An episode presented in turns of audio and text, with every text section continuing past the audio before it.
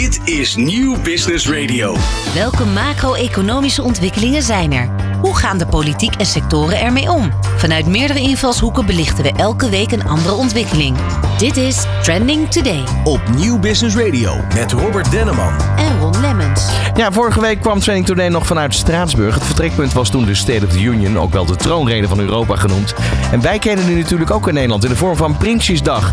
Waarbij natuurlijk ook de koffer weer open gaat met de begroting voor het komende jaar. Politiek verslaggever Tom Staal was in Den Haag. Met hem praten we toch nog even na. Ook over de debatten rondom de algemene beschouwingen. Eén positief nieuwtje was voor de start-ups in Nederland, want zij krijgen er geld bij. We bellen met Lucien Burm. Hij is voorzitter van de belangenvereniging Dutch Startup Association. Nou, nadelig gesprek was er ook en die zal nog steeds eh, gevoerd worden. MKB lijkt er namelijk op achteruit te gaan. Dubbel meer salaris voor personeel, maar ook een korting op de winstvrijstelling van 1,3% Een branche waar dat zeker gemerkt gaat worden en waar veel MKB-bedrijven zijn, is de retail. Straks bellen we met Jan Meerman, directeur van brancheorganisatie in retail. Voor de zelfstandigen in Nederland zonder personeel is het wachten op de nieuwe wet. En hoe zijn die ontwikkelingen nu? Christel van der Ven van Vereniging Zelfstandigen Nederland gaan we vragen om een reactie. En tot slot bellen we met directeur waardecreatie Wageningen University and Research, Sebastiaan Berendsen, over hoe je kennisontwikkeling als waarde in kan zetten voor de maatschappij, voor en met diverse doelgroepen. Dit is Trending Today Met Robert Denneman. en Ron Lemmens. Robert, goedemiddag. Een hele goede middag. Ja, als we het toch hebben over de miljoenennota, want dat is natuurlijk onderwerp van gesprek. Laten we nog even in de notendop doornemen, zodat we in ieder geval weten waar we het zo meteen over gaan hebben. Ehm, nou ja, je noemde net al even de lonen stijgen voor de werkenden, want eh de schatting gaan die gemiddeld met 5,4% omhoog. Wat natuurlijk een opsteker is voor de werkenden, zeker in de huidige inflatie. Eh, voor werkgevers stijgen daarmee juist de personeelskosten, dus het snijdt toch wel ergens. Verder wordt de arbeidskorting verhoogd. Een belastingvoordeel voor werkenden wordt verhoogd met 115 euro. Dat betekent dat werkenden netto meer overhouden. Deze maatregel komt neer op een eh, investering van 200 miljoen euro. Ehm, het heffingsvrije vermogen die blijft ongewijzigd. Het tarief stijgt van 32 naar 34 procent. En dat betekent dat je over je spaargeld toch eerder en meer belasting zult gaan betalen. Ja, zeker belangrijk vandaag. De winstvrijstelling voor MKB-ondernemers. Ondernemers die zullen namelijk die impact gaan voelen, aangezien de winstvrijstelling voor MKB'ers wordt verlaagd. En dat gaat gebeuren van 14% naar 12,7%. En naast ja, de start-ups, we gaan zo meteen met Lucien Burn praten van Dutch Startup Association. Ben benieuwd wat hij daarvan vindt. Maar het kabinet die richt zich op het versterken van economische veiligheid en investeert daardoor 100 miljoen euro om eh, gevoelige technologieën, innovaties en vitale aanbieders in Nederland te behouden. En daarnaast gaat er een 100 miljoen euro extra naar veelbelovende start-ups. Die gaan toegang krijgen tot extra financiering via weer een Europees investeringsfonds en ook het Nationaal Groeifonds. En dat is een pot waar een eh, slordige 20 miljard euro in zit. En bovendien wordt eh, de wet bevordering speur- en ontwikkelingswerk, oftewel de WBSO, verhoogd om bedrijven te ondersteunen bij onderzoek en innovatie. Dit is Trending Today. Op Nieuw Business Radio. Het was de afgelopen dagen weer feest in Den Haag. Op de derde dinsdag van september is natuurlijk traditioneel Prinsjesdag. En dan worden niet alleen de chique hoedjes, de koetsen en de koninklijke familie uit de kast getrokken. Ook een beigekleurig en zeer belangrijk koffertje. Dan heb ik het uiteraard over de miljoenennota. En we zijn nu een paar dagen verder. We zitten volop in de algemene beschouwing. En is alles misschien wel een beetje bezonken. Ik ga erover praten met politiek verslaggever Tom Staal. Die ook de afgelopen dagen in eh, Den Haag aanwezig was. Eh, Tom, hele goede middag. Goedemiddag, ja. De allereerste, hoe heb jij de afgelopen dagen eigenlijk beleefd daar? Nou ja, dit zijn er voor de journalisten ehm, heel lang wachten, heel veel luisteren. eh, je af en toe verbazen, maar toch zijn dit ook wel weer de krenten uit de pap. Want die kijken we elk jaar wel weer naar uit.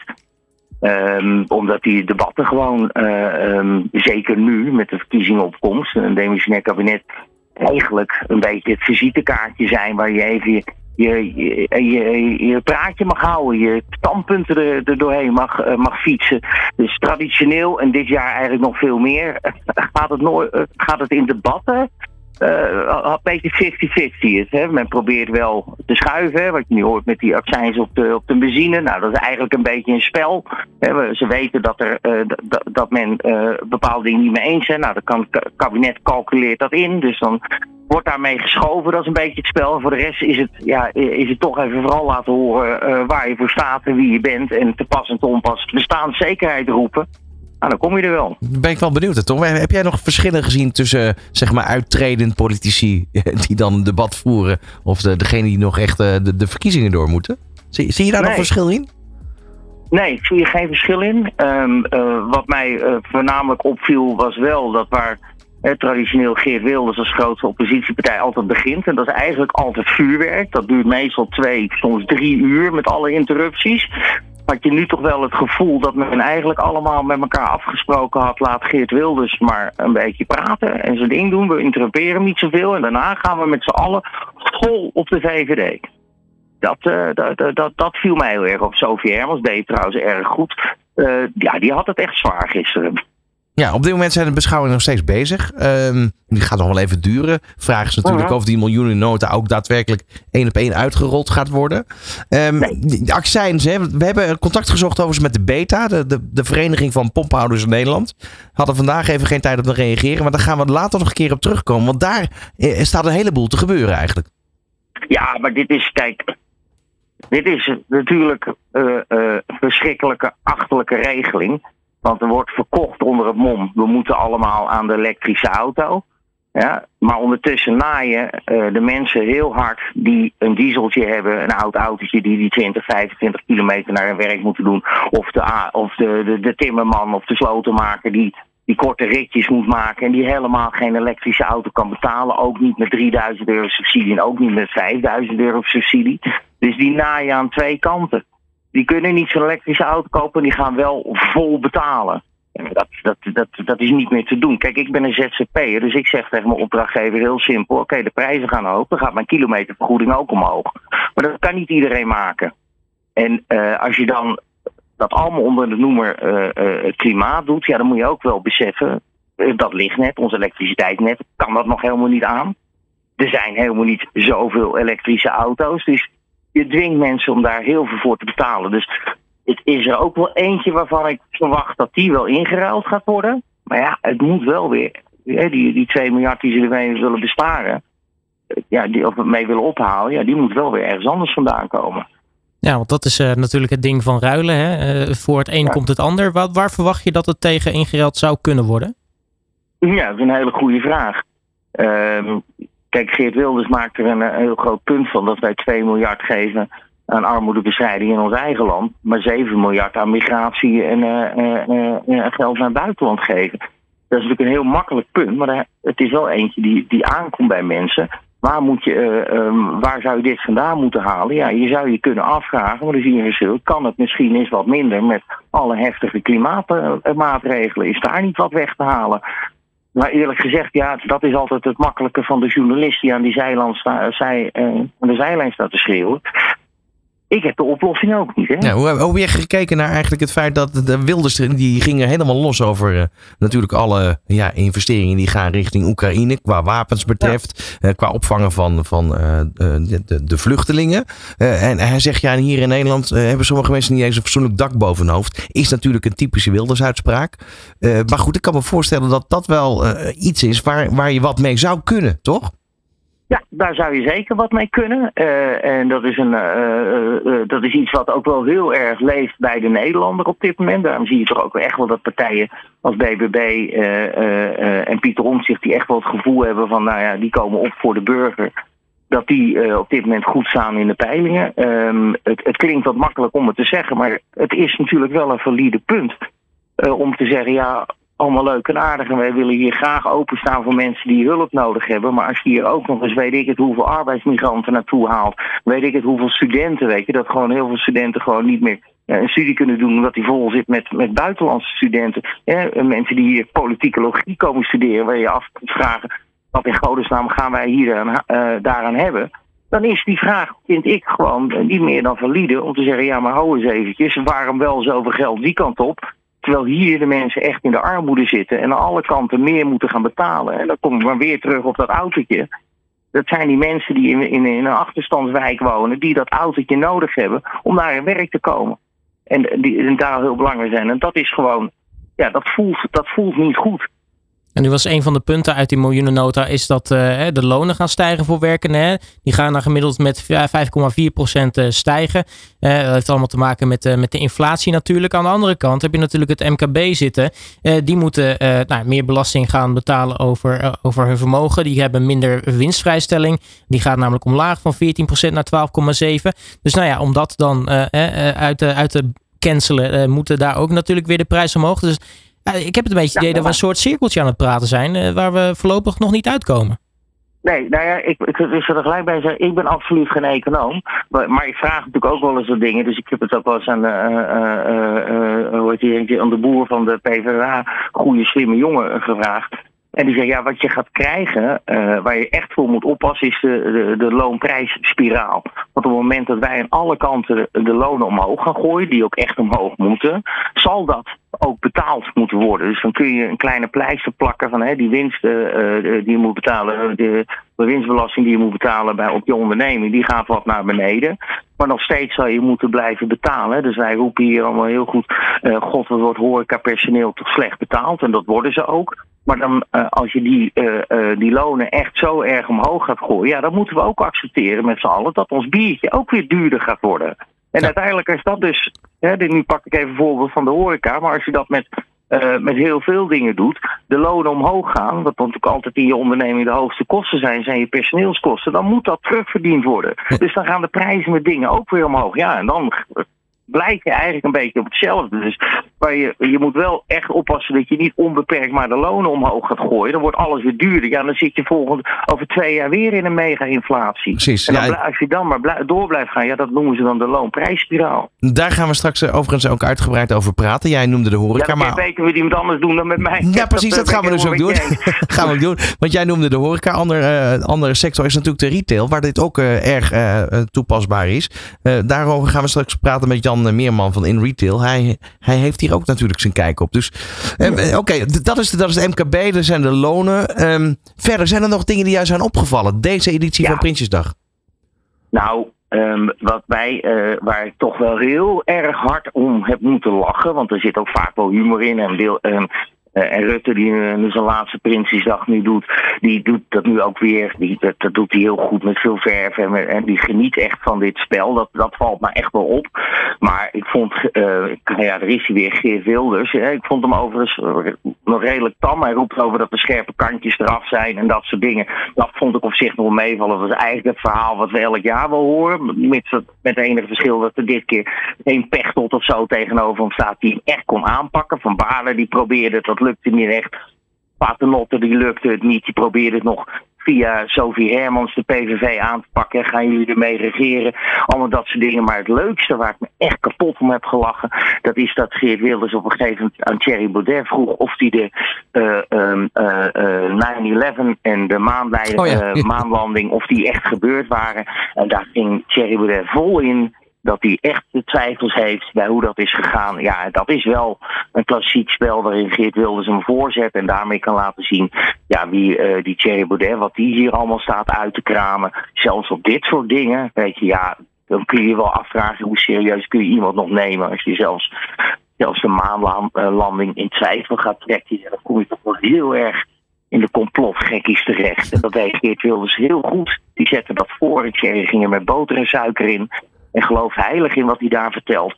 Maar daar hebben we met z'n allen toch wel heel erg moeten lachen. Dat uh, dus ook eindigen. Nou, u bent inmiddels, het lijkt erop dat u inmiddels een aardig end op weg bent naar de maan. dus, uh, ja, wat, wat ik kan me voorstellen als politiek verslaggever, dat je best wel, uh, bijvoorbeeld laten we zo zeggen, welke debatten zou jij rondom de verkiezingen graag willen zien? Maar waar kijk je echt naar uit? Waar, waar smul je van, denk je? Nou, op dit moment smullen wij journalisten vooral over het moddergooien intern bij partijen. Waar alles vanochtend aan de hand is. Van, van Pieter Omtzigt die zijn woordvoerder na 3,5 uur ontslaat. Tot aan de Partij voor de Dieren. Uh, overal is wel wat aan de hand. Uh, dus ik hoop wel een beetje voor, uh, voor de toehoorder dat dat, gaat, dat dat een beetje gaat veranderen. Dat als die kieslijsten zijn, dat het allemaal een beetje stabiel is. Willen we het natuurlijk altijd heel graag over de inhoud hebben. Nou, daar zijn wij journalisten ook debet aan. Wij zijn natuurlijk ook gek op relletjes en op gekke uitspraken. Maar als het echt op die inhoud moet hebben, waar ik echt heel graag uh, uh, een debat over zou willen zien, is over die bestaanszekerheid waar iedereen het over heeft. Want echt iedereen, van rechts tot links ertussenin, allemaal roept bestaanszekerheid. Maar ik heb nog van niemand een goed gedegen verhaal gehoord hoe ga je dat betalen? Hoe gaan we dat doen? Met in je achterhoofd die loonprijsspiraal die, waar we het net over hadden. Dat je niet zomaar onbeperkt lonen omhoog gaan gooien. Hoe gaan wij niet alleen mensen die het echt slecht hebben, die echt in armoede zitten, maar die middenklasse die op dit moment, die altijd de rekening moet betalen. Hè, daarom zijn de grootste groep die nu gewoon uh, uh, echt heel zwaar hebben, terwijl ze zich helemaal schompens werken. Hoe ga je nou ervoor zorgen dat die binnen nu en twee jaar weer gewoon normaal staan? Goed zijn. Nou, dat, daar ben ik heel benieuwd naar. Gaan we dat in debatten zien in, eh, op tv of uh, in dingen? Kijk, want de campagnepraatjes, uh, lekker in spijkenissen over de markt met Geert Wilders, de rozen van Tim, Frans Timmermans, dat kennen we allemaal wel. He, dan worden er allemaal mooie praatjes gehouden, dan is er weinig gehoord. Maar ik wil een goed debat. En dat, dat, dat moet echt bij RTL en de NOS uh, moeten daar een rol in gaan, gaan nemen. Een goed debat. Hoe ga je het voor elkaar krijgen? Dat die bestaanszekerheid echt uitgevoerd kan worden zonder dat ons land op zijn gat gaat. En dan zullen we het maar niet hebben over eventueel uitgestelde bezuinigingen, waar ook al wel uh, verhalen de ronde over doen, hè? Ja, ja, dat ga je ook krijgen. Ja, ja het, wordt, het wordt lastig. Maar ja, wat wil je op dit moment met een kabinet dat demissionair is? Wat, wat, wat, het, je kunt ze niet heel erg afrekenen, want ja, ze maken nu een plan op, een, uh, op minder punten dan normaal. En uiteindelijk moet daar gewoon 22 november komt er een uitslag. En dan hopen we gewoon ergens in februari een, een, een nieuw, uh, een, het, een nieuw uh, kabinet te hebben. Daar een regeerakkoord neer, neerzet waar we niet omheen kunnen. En ik ben heel benieuwd, want we weten het niet. Wordt links groot, wordt, wordt rechts groot. We gaan zien, als links groot wordt, nou, dan, dan moet je wel rekening mee houden dat, dat de belastingen in ieder geval niet omlaag gaan als rechts uh, wat groter wordt, ja, dan zullen we het economisch misschien wel wat strakker hebben neerzetten. Maar is er dan nog wel ruimte voor de mensen die het echt heel slecht hebben? We gaan het allemaal zien. Tom, dank je wel voor nu in ieder geval. en uh, ja, jij gaat een paar, uh, ja, ik denk hele interessante maanden tegemoet. Zeker, zeker. Wordt heel leuk. Dit is Trending Today. Op Nieuw Business Radio. Een van die highlights die besproken is tijdens Prinsjesdag is de miljoenen die gestoken zullen worden in de economische veiligheid en de start-ups uiteindelijk. Het gaat om een bedrag van zo'n 100 miljoen euro. Um, ja, hoe wordt die ontvangen binnen die start-up scene? We gaan daarover praten met Lucien Burm. Lucien Burm is uh, voorzitter van de belangenvereniging Dutch Startup Association.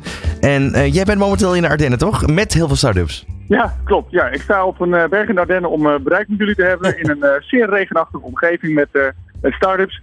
Maar goed, die zijn natuurlijk wel wat gewend. Uh, die mooie sessies aan het doen. Ja, eh, hoe is het nieuws daar eigenlijk geland? Want ja, ze willen investeren in economische veiligheid van Nederlandse start-ups. Uh, wat houdt dat precies überhaupt in?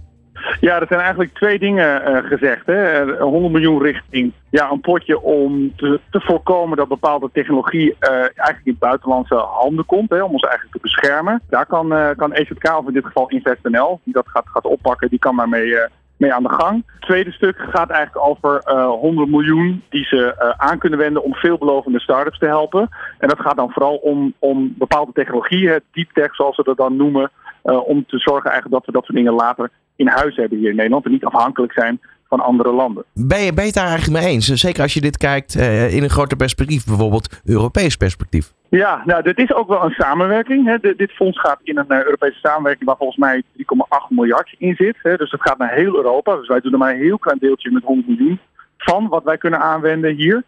Um, en het punt is natuurlijk een beetje dat de overheid uh, hier natuurlijk via toch wel sturing aan geeft hè, via hun instrumenten. Uh, wat belangrijk is voor Nederland. En wij zijn natuurlijk vanuit startups altijd voorstander van dat je nooit weet wat heel succesvol gaat worden. En het is niet altijd deep tech. Hè. Dus denk zelf maar aan alle grote startups die je uit Europa kent. Hè. Of, het nou onze eigen thuisbezorgd is, of Adyen, of, of uh, Spotify, of Klarna. Dat zijn niet allemaal per se uh, deep tech startups, maar wel heel belangrijk. En toch ook wel de nieuwe grootbedrijven van een land. Hè, zoals wij die ook nu hebben. Een, een Booking.com uit het verleden was ook een start-up, maar dat was natuurlijk geen deep tech. Uh, maar goed, aan de andere kant begrijpen we ook wel de overheid die zegt: ja, maar bepaalde technologie is belangrijk om zelf in huis te hebben, om zelf te ontwikkelen. Uh, dus daar moeten we ook geld voor vrijmaken. Maar wij zijn wel voorstander van dat er ook maatregelen komen om breed alle start-ups eigenlijk in Nederland vooruit te kunnen helpen. Want er zijn nog steeds te weinig startups die doorgroeien naar, naar zo'n bekende scale-up uh, die we dan allemaal kunnen noemen. Ja. Maar er zijn nu honderden en honderden startups meer. Ja, ze hebben het dan over het versterken dus van die economische veiligheid. Hè. Het gaat om gevoelige technologieën, innovaties en vitale aanbieders om die in Nederland te behouden. Um, kun, kun, je ons even meenemen, gevoelige technologieën, innovaties, vitale aanbieders. Wat moeten we daarbij dan aan denken eigenlijk? Ja, uh, vind ik moeilijk te zeggen, maar je kunt natuurlijk uh, kunstmatige intelligentie uh, is natuurlijk iets waar op bepaalde gebieden in, in de wereld daar heel erg goed in zijn. Daar wil je misschien geen inmenging in hebben. je wilt ook in ook niet encryptietechnologie, die daar natuurlijk ook wel aan vastzit, wil je natuurlijk wel in de gaten houden. Ik kan ook wel denken aan hele nieuwe technologieën, dat je niet wil dat bepaalde chips, op gebied ook richting quantum computing, eigenlijk niet in handen komt van de buitenlandse mogelijkheden.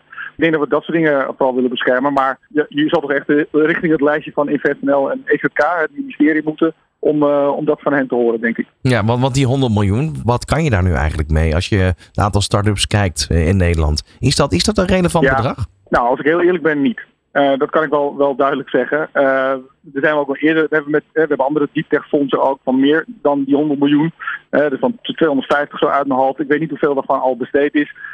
maar bij ons gaat natuurlijk altijd wel een beetje het gerucht van ja, als je deep tech moet investeren, dat zijn zulke grote rondes doorgaans. Dat we maken altijd een soort handbeweging met en een geluid erbij van foef.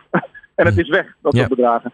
Dus als je er echt wat mee wil doen, echt diep wil investeren, heb je toch meer de fondsen van InvestNL zelf nodig, van, uh, die toch wel in de miljarden zitten. Ja, dat gaat over het groeifonds. 20 miljard zit in die pot, hè? Ja, ja, ik weet niet precies hoeveel erin zit, maar dat is inderdaad een groot bedrag. Ja, en dus wat dat betreft uh, ja, zou je ook kunnen denken van oké, is, is dan, hè, ergens wordt het heel specifiek genoemd, maar aan de andere kant zeg je, ja. het is maar een heel klein bedrag. Waarom wordt het dan toch uitgelicht, denk je? Ja, nou, ik denk om te laten zien dat we ook meedoen. Het is natuurlijk ook een Europees verhaal, hè, dat daar gewoon uh, allerlei dingen in gebeuren. De wereld is natuurlijk uh, geopolitiek veranderd uh, het laatste tijd, dus ik denk dat men wel een signaal af wil geven. Daar heb ik natuurlijk vanuit de start-up positie natuurlijk wat minder mee te maken. ik maak me eerder zorgen over dat dat soort geld misschien daarvan afgesnoept gaat worden voor andere belangen die eigenlijk heel goed zijn voor de ontwikkelingen van start-ups. Dus wij maken ons wel een beetje zorgen over onze eigen potjes. Nou vind ik ook, moet ik altijd bij zeggen, is dat ik vanuit de start-up wereld eigenlijk nooit direct zou willen vragen om, om geld. Hè. Dat er, eh, ik vind het heel prettig dat er geïnvesteerd wordt, dat er ook geco-investeerd wordt voor dingen die al, al draaien. Hè, waar andere investeerders uit de markt ook instappen bijvoorbeeld, hè, bedoel ik dan. Uh, maar wij zijn natuurlijk veel meer voorstander van algemene maatregelen die meer aan de belastingkant zitten. Uh, en als ik daar één ding over mag zeggen, wij maken ons bijvoorbeeld uh, al zorgen over het feit dat er in veel partijprogramma's nu gesproken wordt hè, richting de verkiezingen uh, om de, de, de 30%-regeling voor, voor buitenlandse werknemers om daar aan te gaan sleutelen. om dat zelfs op te heffen. Dat is een, een groot zorgenpunt wat ons betreft. Want ja, luister, de meeste mensen die bij start werken, die zijn namelijk heel moeilijk te krijgen. En die komen doorgaans uit het buitenland. Dus dat zou een enorme enorme consequenties voor de techbedrijven uh, en de start-ups van Nederland zijn. dus wij focussen ook heel erg op, op dat gebied. Maar, maar het gekke is dan, eh, als je al zegt van het komt eh, voor deel dus uit een Europees potje ook weer.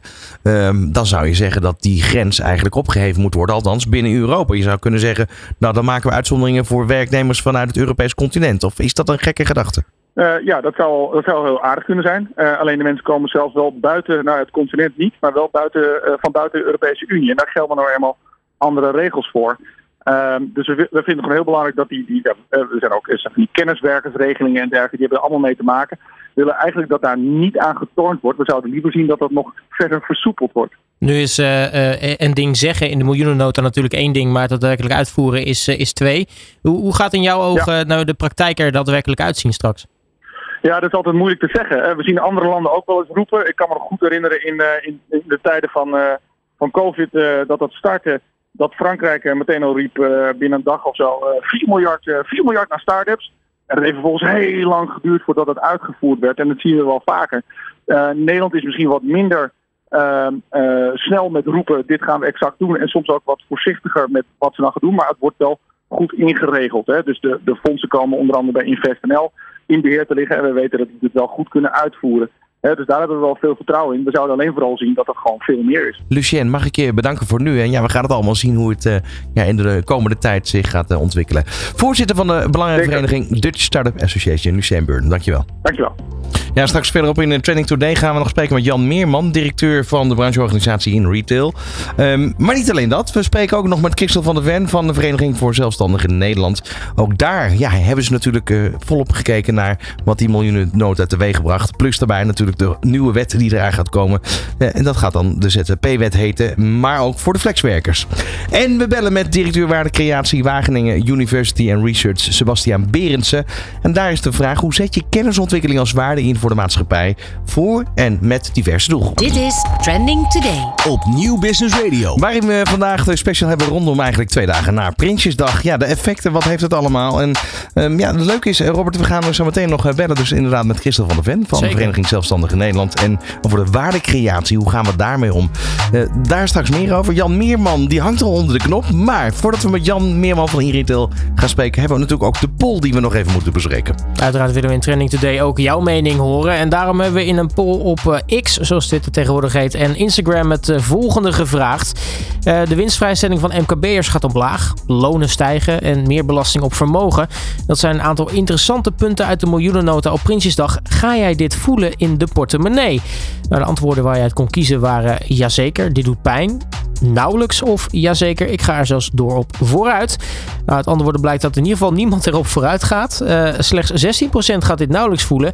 En toch wel eenduidig is het feit dat dit wel even pijn gaat doen in de portemonnee. Want een uh, overweldigende meerderheid van 84% ja, die zegt toch dat ze dit wel even gaan voelen. Ja, nou we gaan het allemaal zien hoe dat uiteindelijk dan gaat uitwerken. Dat heeft natuurlijk ook te maken met, gaat er nog meer in plaats, plaatsvinden of niet? Eén um, sector waarbij uh, zeker weet dat het van alles aan de hand is. Dat is de MKB-sector. Met name door de winstmarge ja, marge die dus verkleind wordt. Maar ook minimum salaris wat omhoog gaat. Aan de telefoon Jan Meerman van In Retail. Ja, een, een grote sector met veel MKB-bedrijven. Jan, goedemiddag. Goedemiddag. Ja, eh, wat dat betreft, minimumlonen uh, die gaan stijgen. Nu weten we natuurlijk dat in de retail uh, veel jonge mensen werken. Vaak voor minimumloon of net daarboven. hoe is de, de, de reactie nu geweest vanuit jouw sector? Ah, dit is echt een hele grote zorg voor ons. Want het lijkt heel mooi, want niemand wil natuurlijk armoede en dat het minimumloon omhoog gaat, dat snapt iedereen. Maar daarmee stijgen dus alle lonen, want je duwt dus alle lonen omhoog. Want al die medewerkers die net boven een minimumloon zitten, die gaan ook mee. En de medewerkers die al verder boven zitten, ja, die vragen natuurlijk hetzelfde percentage loonsverhoging als degene die het minimumloon krijgt. Ja. Dat is echt een enorme kostenstijging. Zeg je daarmee eigenlijk dat het niet, door, niet, niet voldoende is doorberekend? Dat uiteindelijk komt de, de rekening meer te liggen. Hè? De bedrijven moeten dit gaan doorbelasten. Dat kan niet anders. Ik bedoel, het gaat niet zomaar uit een potje komen die bedrijven nog even om de hoek hebben liggen. Nee, die, die ruimte is al beperkt, hè, want we hebben natuurlijk al uh, twee jaar lang een enorme stijging van de loonkosten. Nu per 1 januari weer. Er komt nog bij dat we ook een systeemwijziging krijgen van 38 naar 36 uur, of van 40 naar 36 uur. Dus ja, die, die ruimte is er gewoon niet meer. En ik voorspel dat we een nieuwe uh, groep armoede uh, mensen krijgen, namelijk ondernemers die gewoon onder het minimumloon gaan dalen, omdat de marges gewoon te klein zijn. Ja, hangt dit dan ook als een soort van ja, zwaard van Damocles boven, boven de hele sector? Ja, ik, wat ik merk de afgelopen weken is dat uh, nou, dicht tegen de 40% van onze uh, ondernemers nu vandaag liever zouden stoppen als ze hun winkel kunnen verkopen. Of geldt in de breedte, geldt ook voor de kapper en de horecazaak. Uh, omdat ze gewoon vinden dat er onvoldoende ondernemingsruimte is. En het kabinet maar blijft doorgaan met lastenverhoging, regelgeving. Dus de leukigheid van het ondernemerschap staat enorm onder druk. En ja, het lijkt wel alsof het bij de politiek niet doordringt. Want ja, je ziet het ook niet in de verkiezingsprogramma's terug. Dat er oog is voor uh, deze groep ondernemers. Hè. Je praat ook over gewoon 800.000 ondernemers in Nederland. Die, uh, waarvan een groot deel nu in de problemen terecht komen. Nou Jan, we zitten nu uh, natuurlijk slechts twee dagen na Prinsjesdag. Dus er gaan waarschijnlijk nog allerhande, allerhande gesprekken plaatsvinden. Nu weten we dat jij ook best wel ingevoerd bent in het Haagse. gaat er nog gelobbyd worden? Ja. Gaan er nog gesprekken gevoerd worden met Den Haag? Nou ja, kijk, we, we spreken natuurlijk volop met Den Haag. En wil je het armoedeprobleem via de lonen oplossen, dan moet je zorgen dat het netto-loon omgaat in plaats van het bruto-loon. En daar heeft natuurlijk Den Haag enorm veel mogelijkheden om dat te doen. We hebben lang voor, voorgesteld van nou, uh, zorg dat dat verschil tussen bruto en netto uh, lager wordt, kleiner wordt. Daarmee krijgt de, uh, medewerker gewoon meer loon. en de ondernemer kan gewoon zijn, zijn onderneming blijven voeren. En er zijn hele simpele methodes toe. En die liggen allemaal in Den Haag. Maar ja, dan kennelijk spelen allerlei andere belangen. En ze kiezen voor deze, ja, voor deze, het is een beetje schieten. Ja. Met een eh, eh, schieten volgens mij eh, in de hoop dat je iets doet. Maar wij betwijfelen ook heel erg dat je met de loonsverhoging nou de armoede echt gaat helpen. Want, Want- de want- medewerker houdt er ook gewoon relatief weinig van over. Want dan zeg je eigenlijk van ja, bruto netto marge, daar kan je veel in doen vanuit Den Haag. Maar dat betekent ook dat er minder in de schatkist uiteindelijk terechtkomt. Nou ja, dat is niet zo. Want kijk, de WW-premie bijvoorbeeld, als een van de voorbeelden. eh, als je die gewoon tijdelijk eh, stopzet, 1, 2, 3 jaar. Dan is er helemaal niks aan de hand, want dat betalen werkgevers en werknemers met elkaar. Of eigenlijk werkgeverspremie is het. Den Haag komt niks tekort. Alleen eh, in onze systematiek van werken telt de WW-pot, waar dus bijna niks uitgaat. Nou, we hebben helemaal geen werklozen in Nederland, of nagenoeg niet. Die telt mee voor het saldo in Brussel. En dat is dan weer een ander politiek eh, loketje.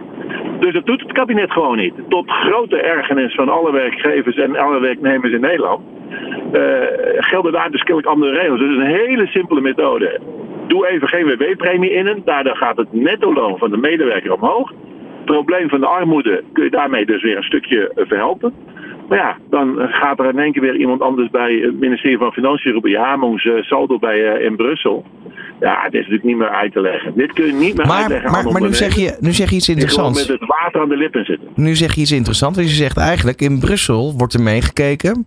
Maar is het dan niet zo dat langzaam maar zeker de gesprekken met Brussel gevoerd moeten gaan worden in plaats van met, met Den Haag?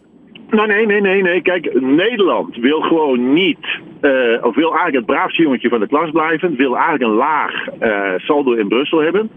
Brussel eh, heeft wel gezegd, iedereen moet onder de 50% eh, schuldquota zitten. Nou, Nederland is zo'n beetje het enige land wat daar nog onder zit. Alle andere Europese landen zitten daarboven. Dus we zouden best wat omhoog kunnen. Alleen, ja, we willen het braafste jongetje van de klas zijn. Ook gezien de geluiden natuurlijk die we het afgelopen jaren hebben gebracht in Brussel. Iedereen moet zich daaraan houden. Het is een hele simpele methode. De Nederlandse overheid kan dat gewoon beslissen. Niemand hoeft daar toestemming voor te geven. Eh, en je lost een probleem op waar werkgever en werknemer veel eh, blijer van worden. Is hierover gesproken inmiddels al met uh, jou? Ja, ja, ja, ja. ja. Meestal met, ja, met allerlei eh, mensen in de politiek, maar ook natuurlijk met het ministerie van Financiën. Maar ja, daar eh, lopen we tegen de muur aan. En dit is niet alleen ons, onze vraag, maar ook Jacco Vonhoff van MKB Nederland heeft daar al vele malen gevraagd. Verlaag nou gewoon eh, die WW-premie en dan hou je net er gewoon meer over en dan los je het veel beter op. Dus eigenlijk zeg je de oplossing is daar, wordt niks mee gedaan. Dan even wat anders, Ja. want uh, dat zie je ook gebeuren. Um, bijvoorbeeld bij mij in het winkelcentrum zie je langzaam maar zeker de prijzen stijgen. Ondernemers die het niet meer op kunnen brengen en gewoon na jarenlang ondernemen zeggen, weet je wat, quit, we, on, we, we heffen de boel op. Ja. Is dat herkenbaar? Want dat, dat is natuurlijk... Ja, Ja, aan- wij zien dat enorm toenemen. Hè? Ja. Het aantal ondernemers wat gewoon zegt ik stop ermee. En nog even terugkomend op die prijsverhogingen. Hè? Kijk, eh, het beeld is van, dat met name in de politiek, ja, jullie rekenen toch alles door in de prijs. Uit alle eh, onderzoeken blijkt dat 80% van de ondernemers het niet geheel kan doorbelasten. Waar dat kan, zal dat gebeuren, maar dat is dus in een verreweg het eh, minderheid van ondernemers die het kan doorbelasten. Dus we kunnen ook niet alles in de prijs doorbelasten. We hebben ook nog te maken met adviesverkoopprijzen, met internationale concurrentie. Dus de ondernemer ziet aan de kostenkant een enorme stijgingen. 30% van zijn personeelskosten de afgelopen 2,5 jaar. Ziet aan de opprijzenkant uh, niet de ruimte om dat door te berekenen. Dus komt in een probleem en zegt dan van nou jongens, ik, uh, ik kap er gewoon mee. Ja. Uh, dat opgeteld bij alle andere dingen die de overheid uh, bedenkt om het ondernemerschap maar oninteressant te maken. Ja, zie je, zien wij eigenlijk de komende periode, de komende jaar, twee jaar, enorme shake-out in ondernemersland. Maar daar, daar zie je dus ook dat, dat, dat eigenlijk, hè, dat als je niet, niet doorbreekt, heb je toch die visuele cirkel. Niet alles kan worden doorbelast bij de consument. Maar toch, in de regel, zal er weer een prijsstijging komen. Met andere woorden, wat voor zin heeft het dan om de lonen uh, omhoog te brengen? Nee, totaal niet. Hè? Want waar het wel doorbelast wordt, of gedeeltelijk doorbelast wordt, zie je dus dat de prijs omhoog gaat. En ja, als je het in heel, voor een heel simpel uh, mens dan beredeneert, dan heb je netto misschien iets meer loon. Maar als de prijzen overal omhoog gaan, schiet je er eigenlijk geen klap meer op. Dus we krijgen gewoon een loonprijsspiraal.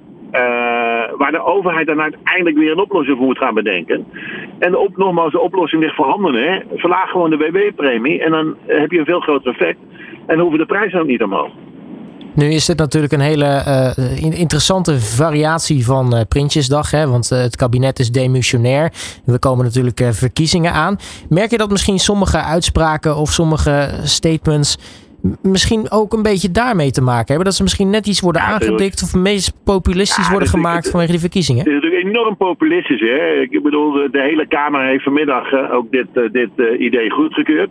Het scoort natuurlijk enorm in het populisme. Dat je zegt van nou, we gaan de minimumlonen verhogen. Nou, wie kan daar tegen zijn? Wij eigenlijk ook niet. Alleen het gevolg is dat die hele loon, uh, loon, uh, loongroep omhoog gaat.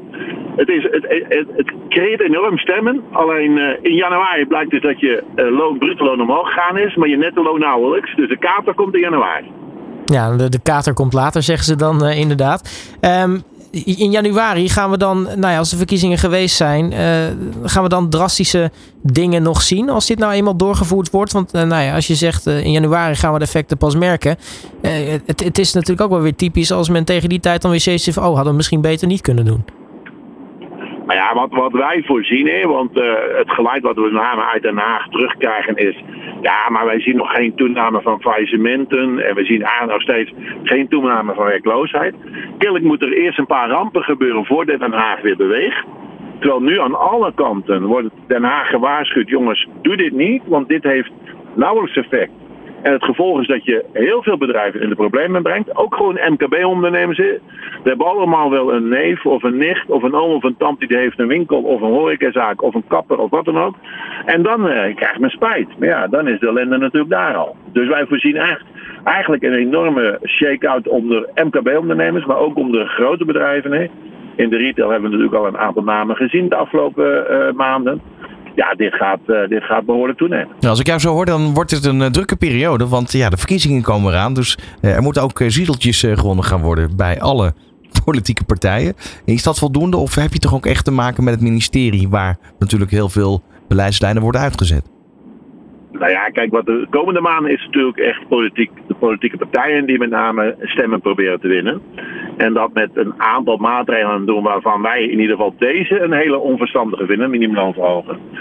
Uh, ja, en daarna uh, zullen we dus moeten zorgen hoe kunnen we de schade beperken. En dan kom je dus gewoon bij de ministeries terecht en bij de ambtenaren om te kijken of je nog uh, op, op een beetje goede manier uh, andere dingen kunt bedenken waardoor die ondernemer nog wel een fatsoenlijk inkomen overhoudt. Maar ik, nogmaals, ik voorspel, heel veel ondernemers duiken echt uh, onder de uh, minimumloongrens.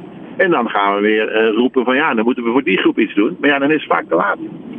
We gaan het allemaal zien. Um, in ieder geval succes de komende maanden met alles wat je nog kan, kan aanpakken hierbij. Jan Meerman van ja. Inretail. Dit is Trending Today.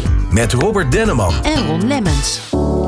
Ja, en dan gaan we naar een andere doelgroep. En dat is de doelgroep van de zelfstandigen. Zeer aangename verrassing voor zelfstandige ondernemers in de miljoenennota. Zo zegt uh, Christel van der Ven, die we nu aan de telefoon hebben. Ja, die, die, nou, die versobering van 14 eh, naar 12,7 procent. Die 1,3 die gaan omlaag. Dat heeft heel veel effect, eh, Christel, toch? Ja, dat heeft zeker heel veel effect. En dat komt bovenop de verdere afbouw van de zelfstandige aftrek. Uh, die van 2023 naar 2024 ook nog eens met zo'n 1250 euro op jaarbasis uh, ja, wordt verlaagd. Dus de koopkracht van de zelfstandigen staat enorm onder druk. Nou, hoe heb jij nou eigenlijk dinsdag naar uh, het hele Prinsjesdag zitten kijken?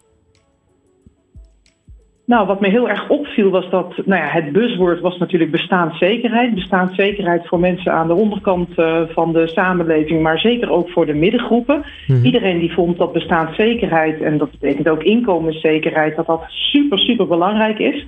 En tegelijkertijd ja, voelden wij eigenlijk direct aan van hé, hey, maar die bestaanszekerheid voor zelfstandigen, die wordt eigenlijk voor het volgende jaar op rij weer verder onder druk gezet. En gisteren kwamen er ook nog cijfers van het Nibud en ja, die geven dat ook feitelijk aan. Uh, om even een voorbeeld te geven. Als je een werknemer bent en je verdient 40.000 euro aan loon op jaarbasis, dan ga je er volgend jaar op basis van de plannen 2,8% op vooruit. Als je nou een zelfstandige bent en je verdient 40.000 euro aan inkomsten, dus gewoon winst uit onderneming, dan ga je er volgend jaar 1,6% op achteruit. En dat scheelt netto zo'n 125 euro per maand. Dus ja, kom dan eerlijk gezegd niet aan met bestaanszekerheid Want ja, je ziet gewoon een hele belangrijke groep mensen echt over het hoofd. Ja, eh, nu is dat sowieso. Hè. Je hebt eh, een aantal zaken worden aangepakt straks. De flexwet, daar worden dingen mee gedaan. En natuurlijk de, de zelfstandigen die, ja, waar uiteindelijk gekeken wordt naar hè, de, eigenlijk het hele schijn zelfstandigheid moet aangepakt gaan worden. Maar als je die berekening even gaat maken met alles wat er veranderd gaat worden. Onder andere gaat het om, um, we hebben er natuurlijk al eerder een keer in Trending Today over gesproken. Over wanneer uh, maak je onderdeel van de core business uit. Dan ben je eigenlijk als ZZP'er niet meer in te huren straks volgens die wet. Mhm. Uh, met andere woorden, als je kijkt naar die 1 miljoen ZZP'ers die zijn in Nederland. Daar hou je niet zoveel van over als die wet helemaal doorkomt. Nee, als die wet er helemaal doorkomt, dan gaat er inderdaad ook nog heel veel gebeuren. Uh, en we zien ook wel dat eigenlijk het afbouwen van die fiscale maatregelen, dat is er ook ja, eigenlijk allemaal op uh, gericht om ervoor te zorgen dat mensen niet concurreren met medewerkers. Dat wordt ook heel vaak gezegd. Maar jullie hadden net Jan Meerman aan de telefoon. Er zijn ook heel veel zelfstandigen zonder personeel. En dat zijn mensen die eigenlijk helemaal niet concurreren met werknemers. Dat zijn inderdaad gewoon de winkeliers die in hun eentje een winkel runnen. Maar dat zijn ook de hoefsmeden, de nagelstilisten. Dan heb je bijvoorbeeld ook de journalisten of de makers eh, van de cultuur. Van de cultuur. Ja, dat zijn ook mensen die uh, vaak helemaal niet in loondienst willen maar die ook helemaal geen banen aangeboden krijgen. En ja, je kunt ze wel met allerlei fiscale faciliteiten proberen naar een dienstverband te lokken. Um, maar volgens mij uh, gaat dat helemaal niet lukken. En het enige wat je doet, is je eigenlijk mensen hun bestaanszekerheid uh, meer en meer ontnemen. Ja, en hoe nu verder? Want dat is een wet eigenlijk hè, bijna eigenlijk klaar. Komt straks de eenzage te liggen over een tijdje. Um, ja. ja. dan hebben we pas begin, dan hebben we de verkiezingen eroverheen. Heb je nog het idee dat er partijen zijn die wellicht um, deze boodschap gaan verlichten uh, voor ZZP'ers of wordt het nog zwaarder? Nou, dat is wel het hele interessante, want jij doelt inderdaad op de wet uh, eigenlijk de, de, de modernisering precies. van de kwalificatie van de arbeidsrelatie. Ja. Met een heel ingewikkeld woord. De wet DBA onder andere. De wet, ja, de wet DBA, hè, van ben je nou een schijnzelfstandige of niet. Uh, ik heb begrepen dat uh, volgende week of anders over uiterlijk twee weken dat die wordt voorgelegd aan het volk ter internetconsultatie. Nou, daar staat waarschijnlijk inderdaad in dat als je bent ingebed in een organisatie, dat je niet uh, als ZZP'er je op de arbeidsmarkt mag begeven. Ik weet al wel dat er echt heel breed weerstand komt, ook vanuit allerlei andere sectoren, ook vanuit werkgevers overigens, tegen dat criterium van inbedding. Dus daar zal waarschijnlijk heel veel op gereageerd worden de, per internetconsultatie. En wat de minister heeft gezegd is, ja, ik draag eigenlijk dat hele pakket, dat is eigenlijk de voorstellen die zij heeft gemaakt, plus alle reacties vanuit het, uh, het, het Nederlandse bedrijfsleven, de Nederlandse zelfstandigen, et cetera. Uh, dat draag ik over aan mijn opvolger. En dan is het natuurlijk wel heel erg spannend wie die opvolger wordt en wat de signatuur wordt van dit kabinet. Ja, want je want er weet zijn dan degelijk politieke partijen die de zelfstandig ondernemer ja. omarmen. Maar er zijn er ook die inderdaad zeggen: doe maar uh, zo snel mogelijk, zo min mogelijk zelfstandigen meer. Ja, zonder er heel uitgebreid bij stil te staan, maar gaan we linksaf. Dan weet je eigenlijk uh, dat de zelfstandige er slechter vanaf komt. Gaan we rechtsaf, dan zijn er nog kansen. Zeg ik het zo goed? Ja, dat klopt. Ja, en wat ik wel interessant vond, hè, jullie starten ook met de vraag van hoe heb je nou naar uh, de troonrede gekeken? En ook, wij kijken natuurlijk nu ook naar de algemene politieke beschouwingen de afgelopen twee dagen. En dan zie je bijvoorbeeld wel dat een aantal partijen zich ineens wel gaan opwerpen als, nou ja, voorvechter van de kleine zelfstandige of sowieso van de ondernemer. Dus ja, voor ons is het ook wel heel interessant van welke politieke partij voelt ook daadwerkelijk gewoon de pijn van die ondernemers en realiseert zich dat die ondernemers ook gewoon onze economie draaiende houden. En dat ook die ondernemers ja, het geld verdienen wat we vervolgens via belasting natuurlijk weer allemaal gaan verdelen. Dus nee, ik zie wel degelijk kansen. Als ik dat niet zou zien, dan uh, zou ik er net zo goed vandaag mee kunnen stoppen. Ja, Christel, dan misschien een hele, uh, misschien een wat zwaardere vraag. Want uh, ja, we weten allemaal, er komen verkiezingen aan. Hè? Daarom was deze Prinsjesdag misschien ook een beetje een, een, een, gekke editie. Je zegt nu al, ook tijdens de algemene beschouwingen zijn er een aantal politieke partijen die zich wel willen opwerpen als de, de verzetsheld voor de ZZP'er. Maar in, in hoeverre neem je dat misschien toch enigszins met een korreltje zout aan. Met het, aan het achterhoofd natuurlijk hè, de verkiezingscampagne die eraan komt. Ja, nou dat is, dat, dat is inderdaad wel heel spannend. Want ja, wat je natuurlijk ook niet precies weet is wat wordt er gezegd in een verkiezingscampagne en wat komt er uiteindelijk in een coalitieakkoord terecht. Hè? Want we weten ook dat de beloftes vanuit verkiezingscampagnes dat die soms ook wat verwateren op het moment dat er een coalitie gesmeed moet worden. Ehm, maar het begint natuurlijk wel bij het overtuigen van een heel aantal politieke partijen van de waarde van de zelfstandig ondernemer. En hen ook gewoon vooral te informeren waarom mensen heel graag willen werken als zelfstandigen. Dat ze ook daadwerkelijk heel erg graag voor eigen rekening en risico willen ondernemen. Dat ze ook verantwoordelijkheid willen nemen om een aantal van die risico's ook zelf af te dekken.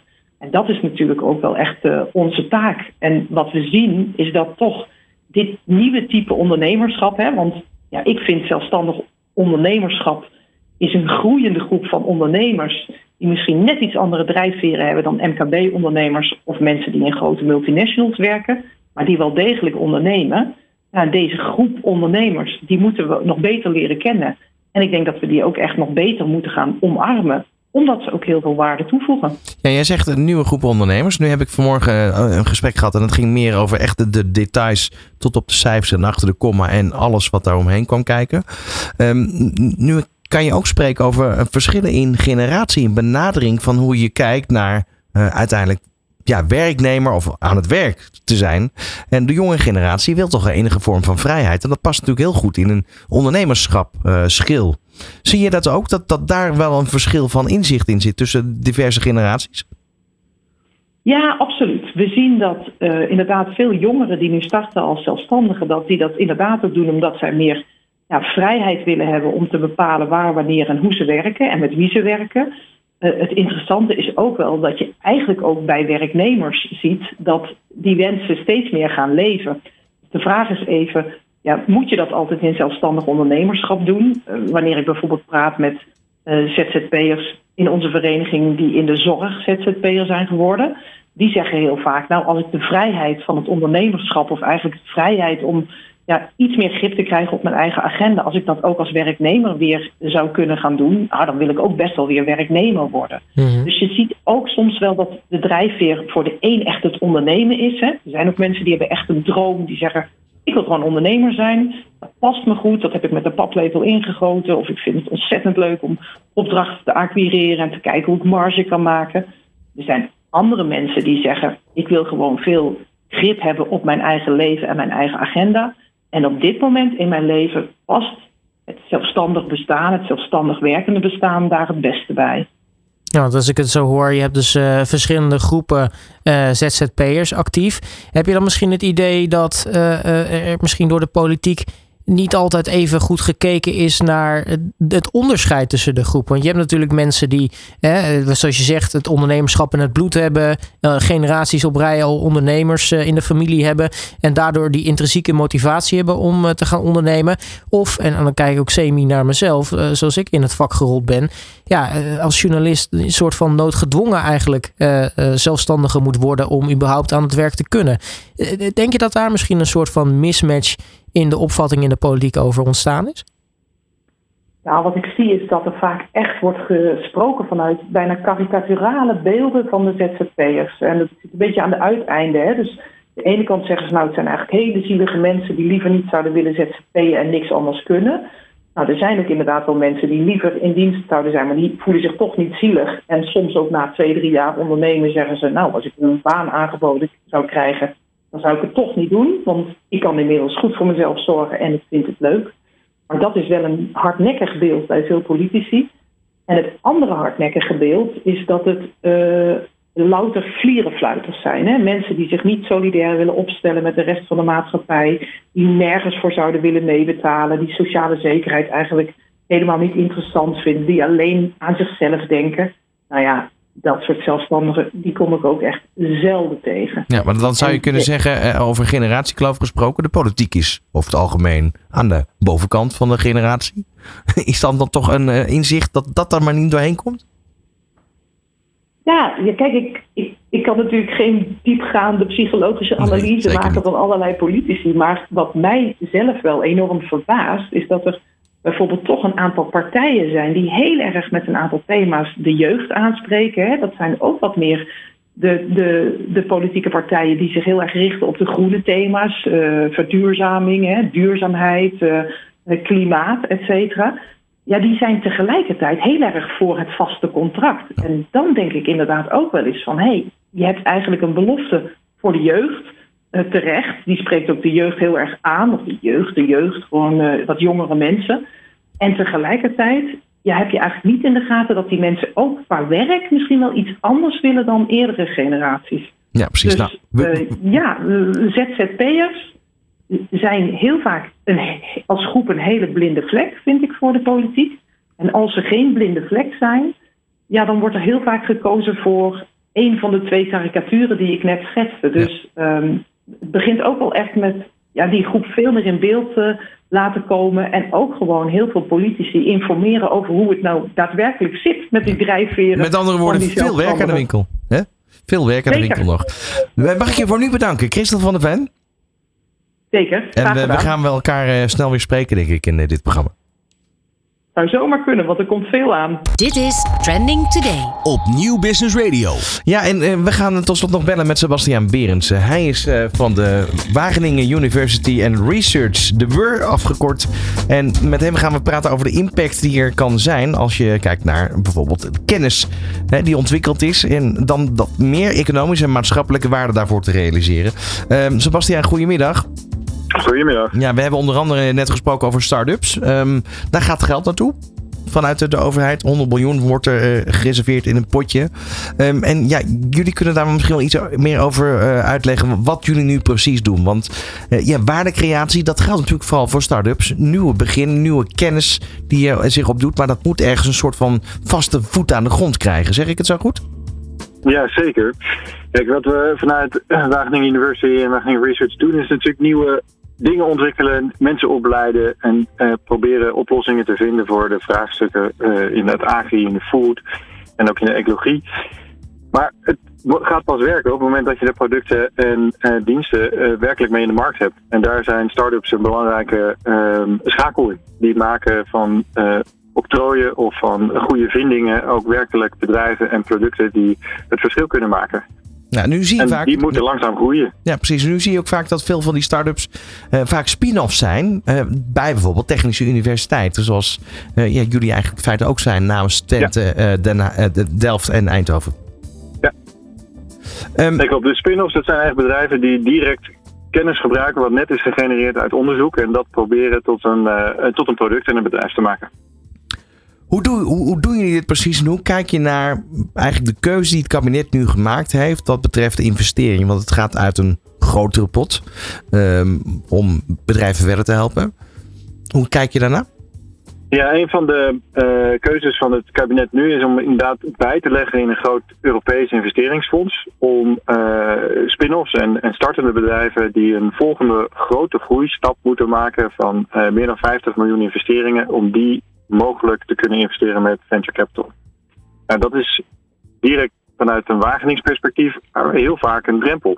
Bedrijven die bij ons starten als een spin-off hebben vaak vijf tot tien jaar nodig voordat ze werkelijk on-market zijn. En dan hebben ze daarna nog een jaar of vijf nodig voordat ze de wereld kunnen veroveren. En dat komt omdat het vaak technologisch ingewikkelde dingen zijn waar je een hele fabriek voor moet bouwen. En dat is niet vanaf dag één dat je start met het idee mogelijk. Dus je hebt heel vaak volgende groeistappen nodig waar elke keer weer een nieuwe investeringsronde voor nodig is. En die grootste investeringsronde, zo voorbij de 20 miljoen in zo'n uh, start-up, is in Europa moeilijk uh, rond te krijgen. Ja, en, en doel je dan eigenlijk op de deep tech bedrijven, zoals waar Lucien Burm het precies. straks ook over had? Ja, precies. Dus dat zijn uh, deep tech is een beetje een verzamelnaam hè, voor zwaar technologisch gedreven vernieuwende bedrijven die ook produceren uh, met die technologie die ze in de, in de kern zeg maar uh, tot een nieuw product en dienst maken. Maar dan zeg jij 20 miljoen, dat heb je bij zo'n investering eigenlijk al nodig. Uh, daar kan je dan vijf bedrijven van helpen. Is, is het wel voldoende? Nou, wat de uh, 100 miljoen opzij zetten van het Rijk, als ik het goed begrijp, gaat doen, is een pool van meerdere Europese landen samen met de Europese investeringsbank, uh, om vanuit daarin investment funds bij te leggen. En wat je dan krijgt is een veel groter venture capital fonds, wat misschien met een inleg vanuit de 3 miljard fonds wat Europa bij elkaar zet en waar Nederland nu een klein stukje in bijlegt kun je een venture capital fonds dus veel groter maken, waardoor die veel meer bedrijven kan investeren uh, in die fase van zo'n 20, 30 miljoen. Ja, uh, in Nederland werd er ook gesproken over het beveiligen eigenlijk van die kennis. Dus die kennis behouden binnen Europa. Heeft dat ook te maken met eigenlijk alle globale, uh, ja, wereldwijde de ontwikkelingen? Als je kijkt naar China, um, nou onder andere natuurlijk de Verenigde Staten. Hè, die geopolitieke verschuivingen die er nu plaatsvinden? Jazeker. Het zijn zowel geopolitieke verschuivingen in um, de zin van waar uh, waar blijft onze kennis die we hebben gegenereerd en waar gaat die ook werkelijk floreren? Dus je wil graag bedrijven in Europa houden. Daarnaast, uh, geopolitiek, en dat zie je vooral bij uh, sensorontwikkeling en um, chipontwikkeling, heeft Europa ervoor gekozen om zwaar te investeren in eigen productiemogelijkheden. Want veel van de productiecapaciteit van chips zit in Zuidoost-Azië. Ja, dat is een heel praktisch voorbeeld. Ja. ja, en een derde um, manier van kennisveiligheid is: um, het is toch verrekte jammer als je bedrijven weet op te bouwen naar uh, pak een beter werken 20, 30, 40 man. En je moet naar een volgende investeringsronde van 20 miljoen. Er komt een Amerikaanse investor, omdat daar veel meer kapitaal beschikbaar is. En die zegt: ja, prachtig, maar we gaan wel de fabrieken bouwen in Amerika.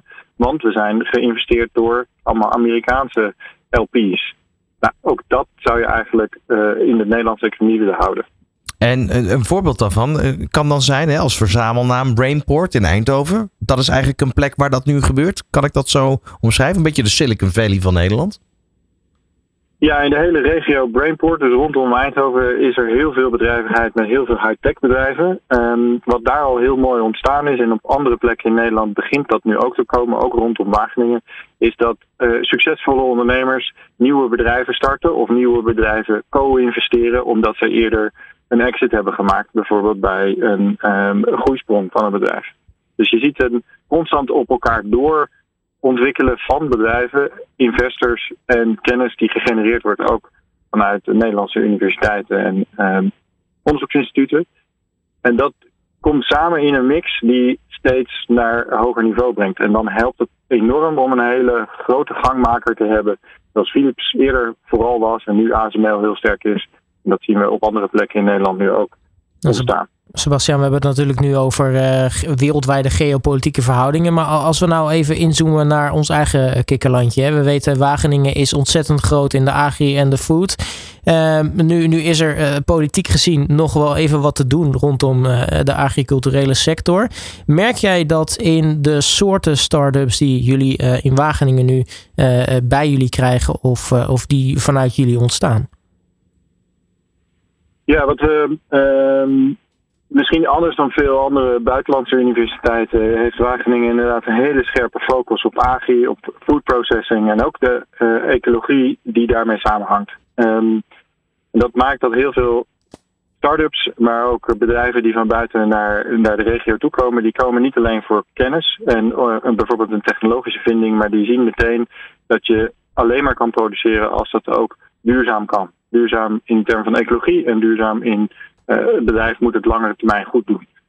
En daar um, trekken we veel studenten mee aan die juist op die balans, de maatschappelijke impact, uh, het moet passen binnen de uh, planetary boundaries, maar we moeten ook antwoorden vinden op de vraagstukken van nu, proberen ze oplossingen te vinden. En wat we nu vooral zien, eigenlijk de afgelopen jaar, een verschuivende aandacht van onze startende studentbedrijven en spin-offs van uh, meer food-gerichte uh, bedrijven. Daar was ook heel veel venture capital voor de afgelopen vijf jaar.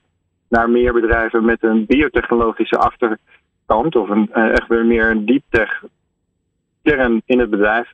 Om inderdaad bijvoorbeeld duurzaam eiwitten te produceren zonder dat er dieren aan te pas komen. Of een oplossing om CO2 goed en energietechnisch slim af te vangen daar is dus inderdaad meer aandacht van studenten, maar ook van uh, bestaande bedrijven naar meer duurzame oplossingen. Ja. Uh, Sebastian, jij bent verantwoordelijk uiteindelijk voor het ontwikkelen en het coördineren van de activiteiten binnen de Wagen, uh, Wageningen University and Research. hoe maak je die keuze met elkaar waar je in gaat nou, focussen of gaat ontwikkelen? ja, kiezen blijft lastig, zeker voor een kennisinstelling.